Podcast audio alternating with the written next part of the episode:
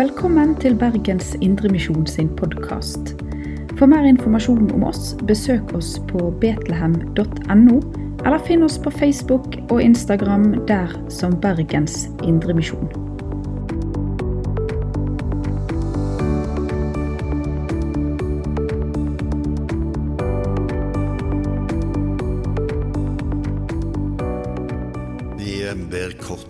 Takker deg, Herre Jesus, fordi at du er midt imellom oss nå, som den levende, oppstandende frelser og Herre. Og så ber vi, Herre, om at du ved din ånd og ditt ord åpner våre hjerter og vårt sinn på en slik måte at du får tale inn i våre liv, og at vi kan bli formet etter ditt bilde. Og hjelp meg, Herre, til å bære frem det som du har lagt på mitt hjerte for denne gudstjeneste, slik at det blir et redskap i dine hender. Amen.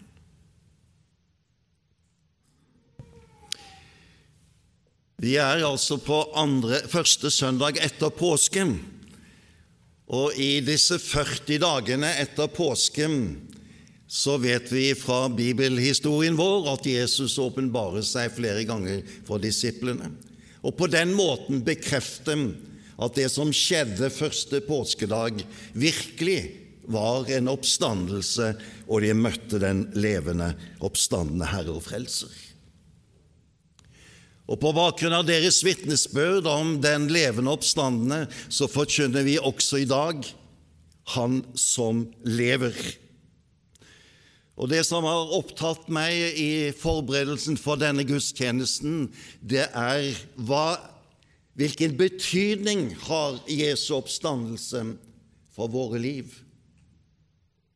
Vi lever i ettervirkningen av den første påskedag, og hele vårt liv hviler i denne begivenhet. Og Paulus bruker sterke ord, som dere kjenner til, i første Korinterbrev om denne begivenhetens betydning. Men er ikke Kristus stått opp, da er vårt budskap tomt, og deres tro er også tom. Da står vi som falske vitner om Gud. Da er deres tro uten mening, og dere er fremdeles i deres synder. Hvorfor har denne oppstandelsens begivenhet og den tomme grav så stor betydning som det nå Paulus skriver om? Og Det første jeg vil si, det er at det er en intim sammenheng mellom troen og oppstandelsen. Troen er ikke en tro ut i løse luften, men den har et innhold. Og i dette innhold trer Jesus frem som den oppstandende. Troen vender seg mot dette frelsesbudskapet som påsken presenterer for oss. Og hele frelsesverket er uløselig knyttet sammen med både hans død og hans oppstandelse.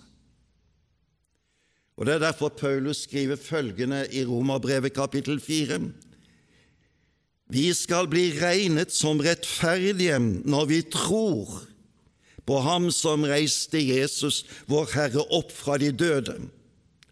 Han som ble overgitt til døden for våre synder og reist opp for at vi skulle bli rettferdige. Vi ser hvordan død oppstandelse knyttes sammen i frelsesverket og i vår tro.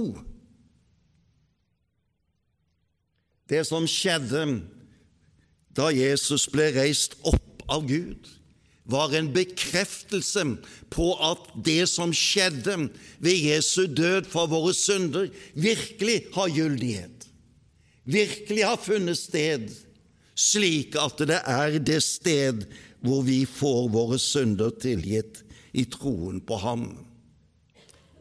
Dersom oppstandelsen ikke hadde funnet sted, hadde Jesu død på korset kun vært en martyrdød, som det finnes av mange gjennom historien. Men nettopp fordi at Gud griper inn og viser at det som skjedde da Jesus døde for våre synder, har gyldighet, reiser han opp på den tredje dag. Og på den måten får vi del i den frelse og den rettferdighet som Gud hadde planlagt gjennom dette frelsesverk. Vi er ren og rettferdig, himmelen verdig, nettopp av den grunn. Men denne rettferdiggjørelsen som skjer ved at himmelens port åpnes på grunn av det Jesus gjorde, det er også konsekvenser innover i vårt liv her og nå. Og Bibelen omtaler det som skjer i vårt hjerte og vårt sinn og vårt liv, som å bli født på ny. Eller å bli levendegjort med Kristus. Jesu oppstandelse åpner en ny virkelighet som er til stede her og nå. Så hva betyr det å bli forent med Jesus Kristus, å bli levendegjort med ham? Denne tanken om å bli levendegjort med Jesus Kristus gjennomsyrer alle Paulus sine brev. Og Et hoveduttrykk i hele Paulus sine brev er dette å være i Kristus. Og Vi skal lese en tekst fra Efeserbrevet som tar oss inn i denne virkelighet. Kapittel 2, vers 4 og følgende, kjent avsnitt. Men Gud er rik på barmhjertighet. Fordi Han elsket oss med så stor kjærlighet, gjorde Han oss levende med Kristus vi som var døde på grunn av våre synder. Av nåde er dere frelst. I Kristus har Han reist oss opp fra døden sammen med ham og satt oss i himmelen med ham. Slik ville Han i de kommende tider vise hvor overstrømmende rik Han er på nåde og hvor god han er mot alle som tror på Jesus Kristus. Stikkordene i teksten her, altså. Han har gjort oss levende med Kristus. Og i Kristus er vi reist opp sammen med ham fra døden, det vil si fra den dødsdom som hvilte over oss på grunn av våre synder. Og vi er satt i himmelen sammen med ham. Det vil si, vi er satt inn i det Guds rike, den nye guddommelige frelsesvirkeligheten, som kommer til oss, som favner liv og evighet.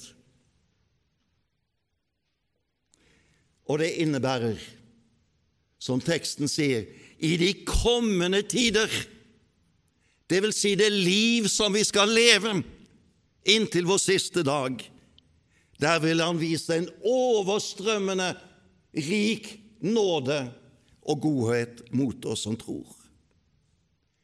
Og alt dette hviler i Guds enestående kjærlighet til oss og Hans nåde.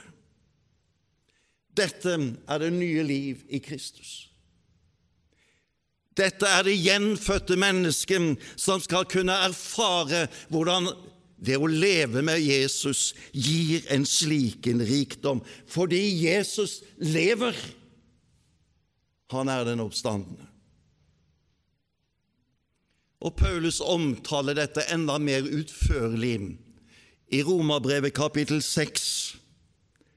Der griper han fatt i en misforståelse som har bredt seg, og som vi i vår sammenheng kanskje kan bruke uttrykket at det var snakk om å tale om å synde på nåden.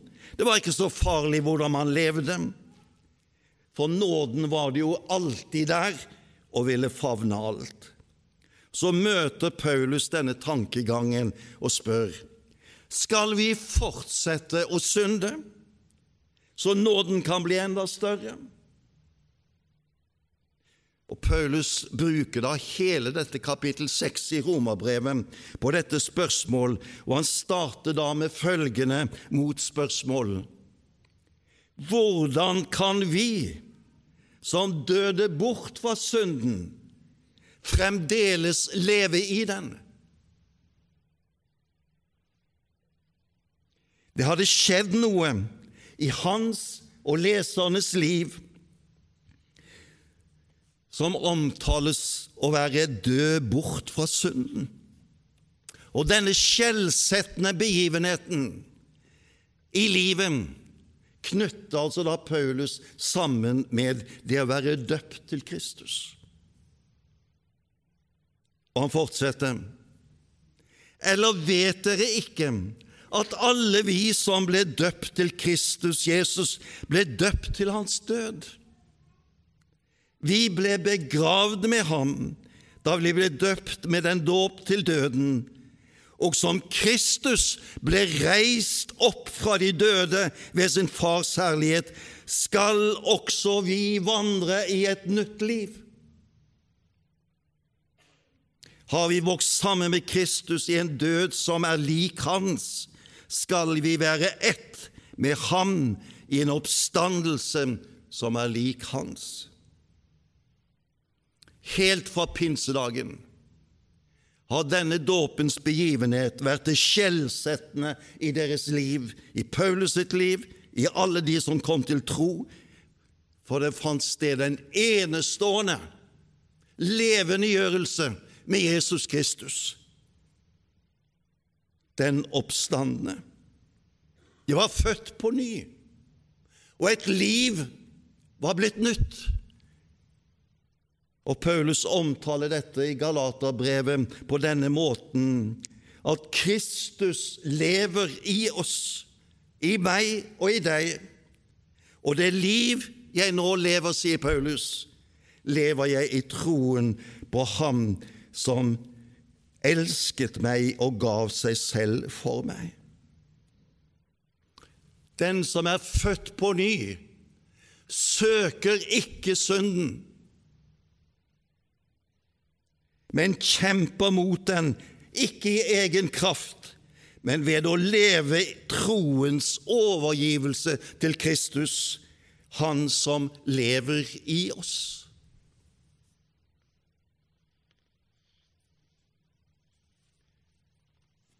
Dette er nye livet med Kristus, levendegjort med Ham, innebærer også at det inntrer en spenning i våre liv spenningen mellom det gamle og det nye mennesket.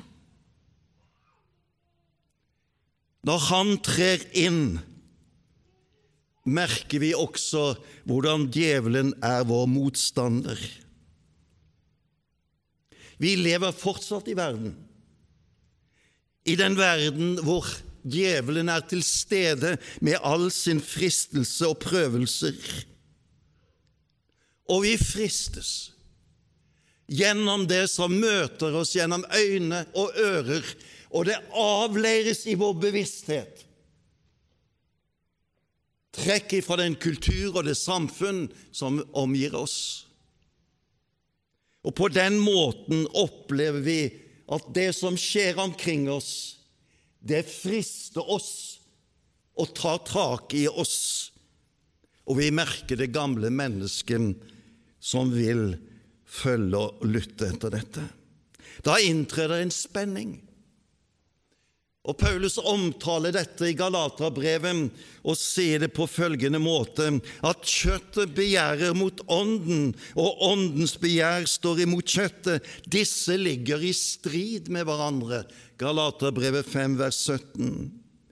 Og i fortsettelsen av denne beskrivelsen av striden får vi hos Paulus en omtale av hvilken moralsk destruksjon som kan tre frem gjennom vårt gamle menneske når vi gir rom for synden. Når den gis rom slik at den får prege oss. Og Paulus skriver det er klart hva slags gjerninger som kommer fra kjøttet, den syndige natur. Hor, umoral, utskeielser, avgudsdyrkelse, trolldom, fiendskap, strid, sjalusi, sinne, selvhevdelse, stridigheter, splittelse, misunnelse, full festing og mer av samme slag.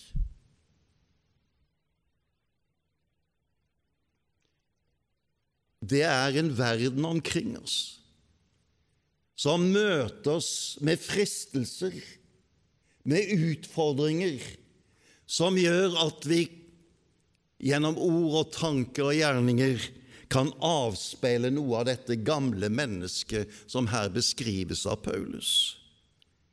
Men for den som lever med Kristus, er det et annet liv som er tilgjengelig, og som hører inn under det som Paulus i fortsettelsen kaller for åndens frukter. Den som er i Kristus, har altså steget inn i en ny virkelighet fordi at Jesus lever og bor ved troen i vårt hjerte.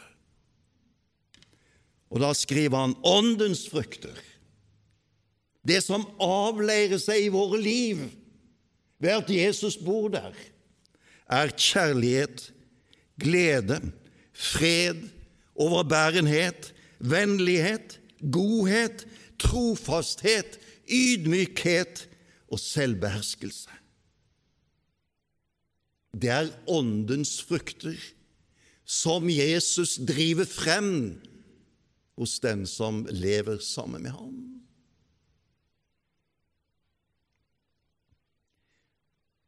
Det er Jesus Kristus og kjennskapet til ham som er det bærende. Og Derfor er Paulus så opptatt av at vi skal lære Kristus å kjenne, slik at vi får lærdom ifra ham når det gjelder å forstå det liv vi lever. Og Han sier det slik i Efeserbrevet kapittel 4.: Dere har gått i lære hos Kristus dere har hørt ham og fått opplæring i ham fra den sannhet som er Jesus.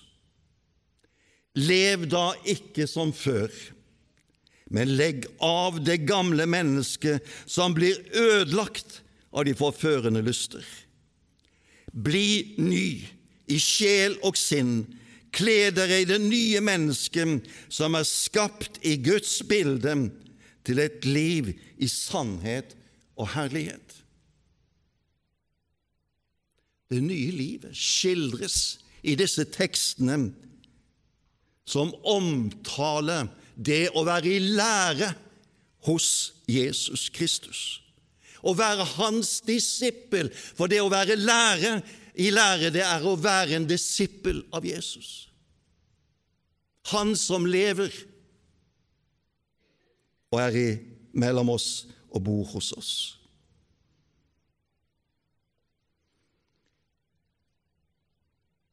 Dette er det enestående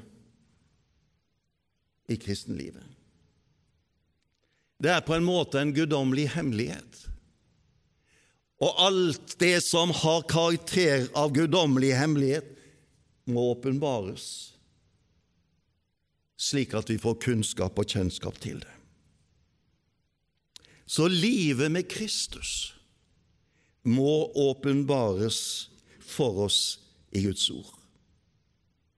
Jesu nærvær, det at Han lever i oss, er ikke tilgjengelig direkte med våre fysiske øyne.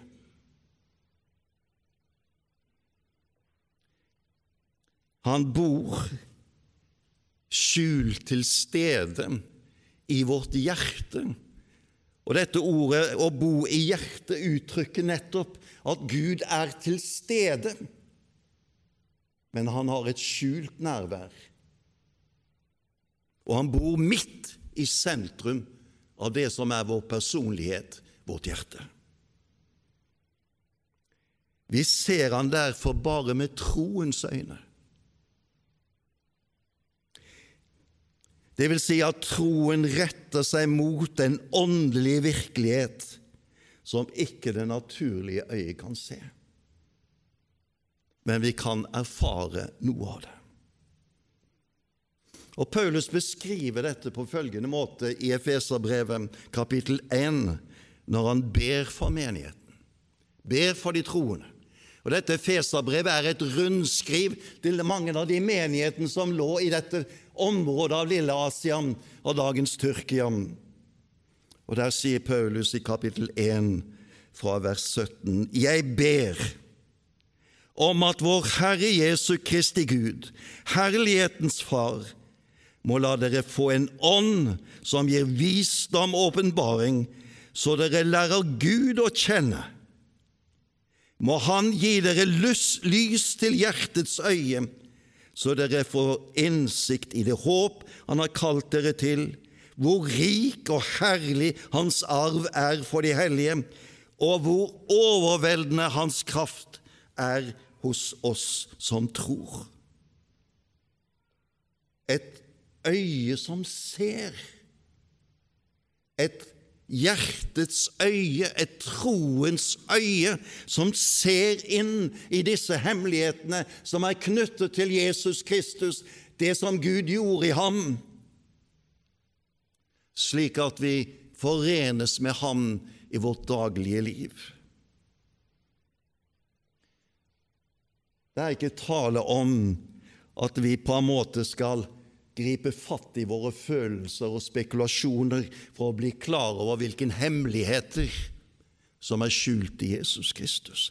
Det kommer til oss utenfra gjennom den åpenbaring, gjennom den avsløring som Gud selv gir oss i sitt ord.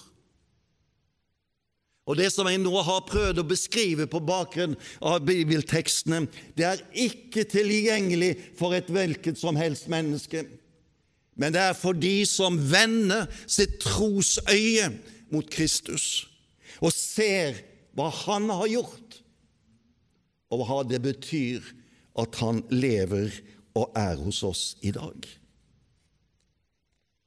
Det er en virkelighet som er troens virkelighet, men den er reell fordi at Jesus lever. Og Denne Guds åpenbaring i Hans ord omtales som levende og skarpere enn noe tveget sverd, Hebreabrevet 4. Fordi det er Gud selv som forener seg med dette ordet, slik at det er den levende Gud som går inn gjennom dette ord og handler inn i våre liv, åpner våre øyne, gir vår forstand, gir oss visdom, gir oss kunnskap, gir oss alt det vi trenger for å leve med Han som vår frelser og Herre.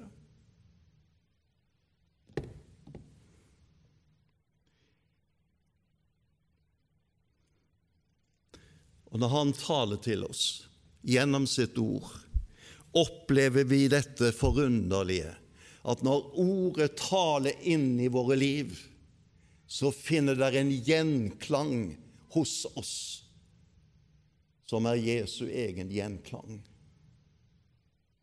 Slik erfarer vi at Gud taler inn i våre liv og former og preger det.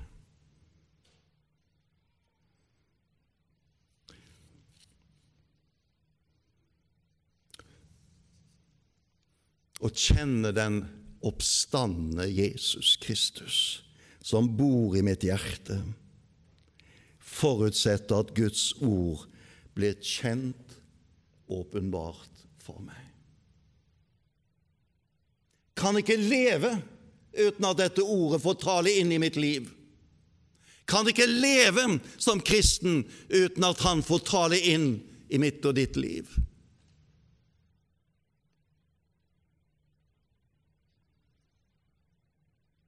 Så vil jeg avslutte denne preken om oppstandelsens betydning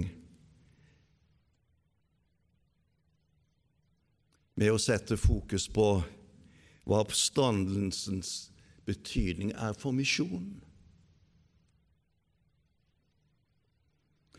Det som jeg har prøvd å beskrive inntil nå, har med vårt liv et liv som hele tiden ved åndene ordet former oss etter Kristi bilde. Men da Jesus, som den oppstandende, oppe i Galilea, møter sine disipler og gir dem misjonsbefalingen, så starter han med følgende proklamasjon om seg selv. Jeg er gitt all makt i himmel og på jord. Dermed proklamerer han sin oppstandelses betydning, og det at han nå er, skal innsettes ved Faderens høyre og utøve den gjerning som Gud har i verden. Han skal fullføre frelsesplanen som Gud har lagt fra evighet av, for at hele menneskeslekten og hele skaperverket skal bli gjenløst til slutt. Og det første steg i realiseringen av dette universelle oppdrag det er å gjøre Kristus kjent. For alle mennesker i hele verden, slik at de kan komme til tro på Ham som døde og sto opp for dem, for at de skulle få del i Guds frelse. Og dette grensesprengende oppdrag, som sprenger altså kulturelle, sosiale, etniske og, og språklige grenser, det realiseres ved forkynnelsen, ved dåp og opplæring, hvor Jesus Kristus er sentrum i budskapet.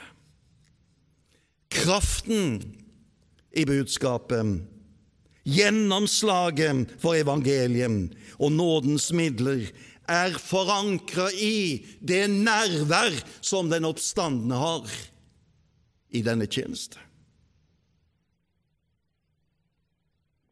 Det er den oppstandende som handler gjennom sine tjenere. Han som er gitt all makt i himmel og på jord. Siktemålet er hele tiden at budskapet om ham skal skape tro, slik at de får del i rettferdiggjørelsen og det nye liv med all den rikdom som det representerer. Misjonens tjenere, ute og hjemme, er Guds frontsoldater. De står i nærkamp med djevelen og de, ut, de utfordringer hans herredømme er i denne verden. Misjonen vil derfor alltid møte motstand, forfølgelse eller forførelse. Da er det at Jesu løfter til sine disipler der oppe i Galilea virkelig får relevans. Se, jeg er med dere alle dager inntil verdens ende et nærvær av Ham for at de skal fullføre sin tjeneste. Og Det nærværet merkes som trøst, som oppmuntring, som glede, som tålmodighet, som utholdenhet, som ny frimodighet.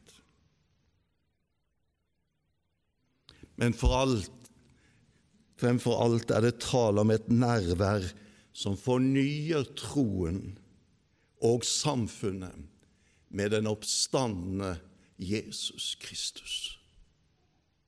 til et nytt liv. Tjenesten må fullføres.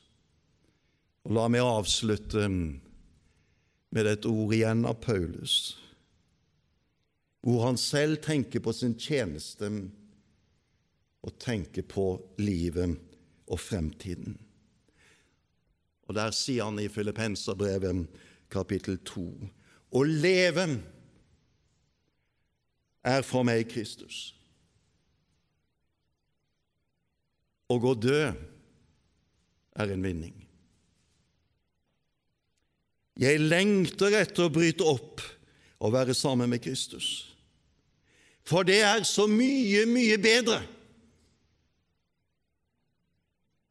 Men for deres skyld er det mer nødvendig at jeg fortsetter å leve. Misjonsoppdraget må fullføres. I den oppstandes kraft og nærvær. Og vi ber Herre om at vi som sitter her, må fullføre vår tjeneste. Vi som er blitt levendegjort med deg, Herre. Og vi ber om at budskapet om deg når ut i denne by og til jordens ender. Amen.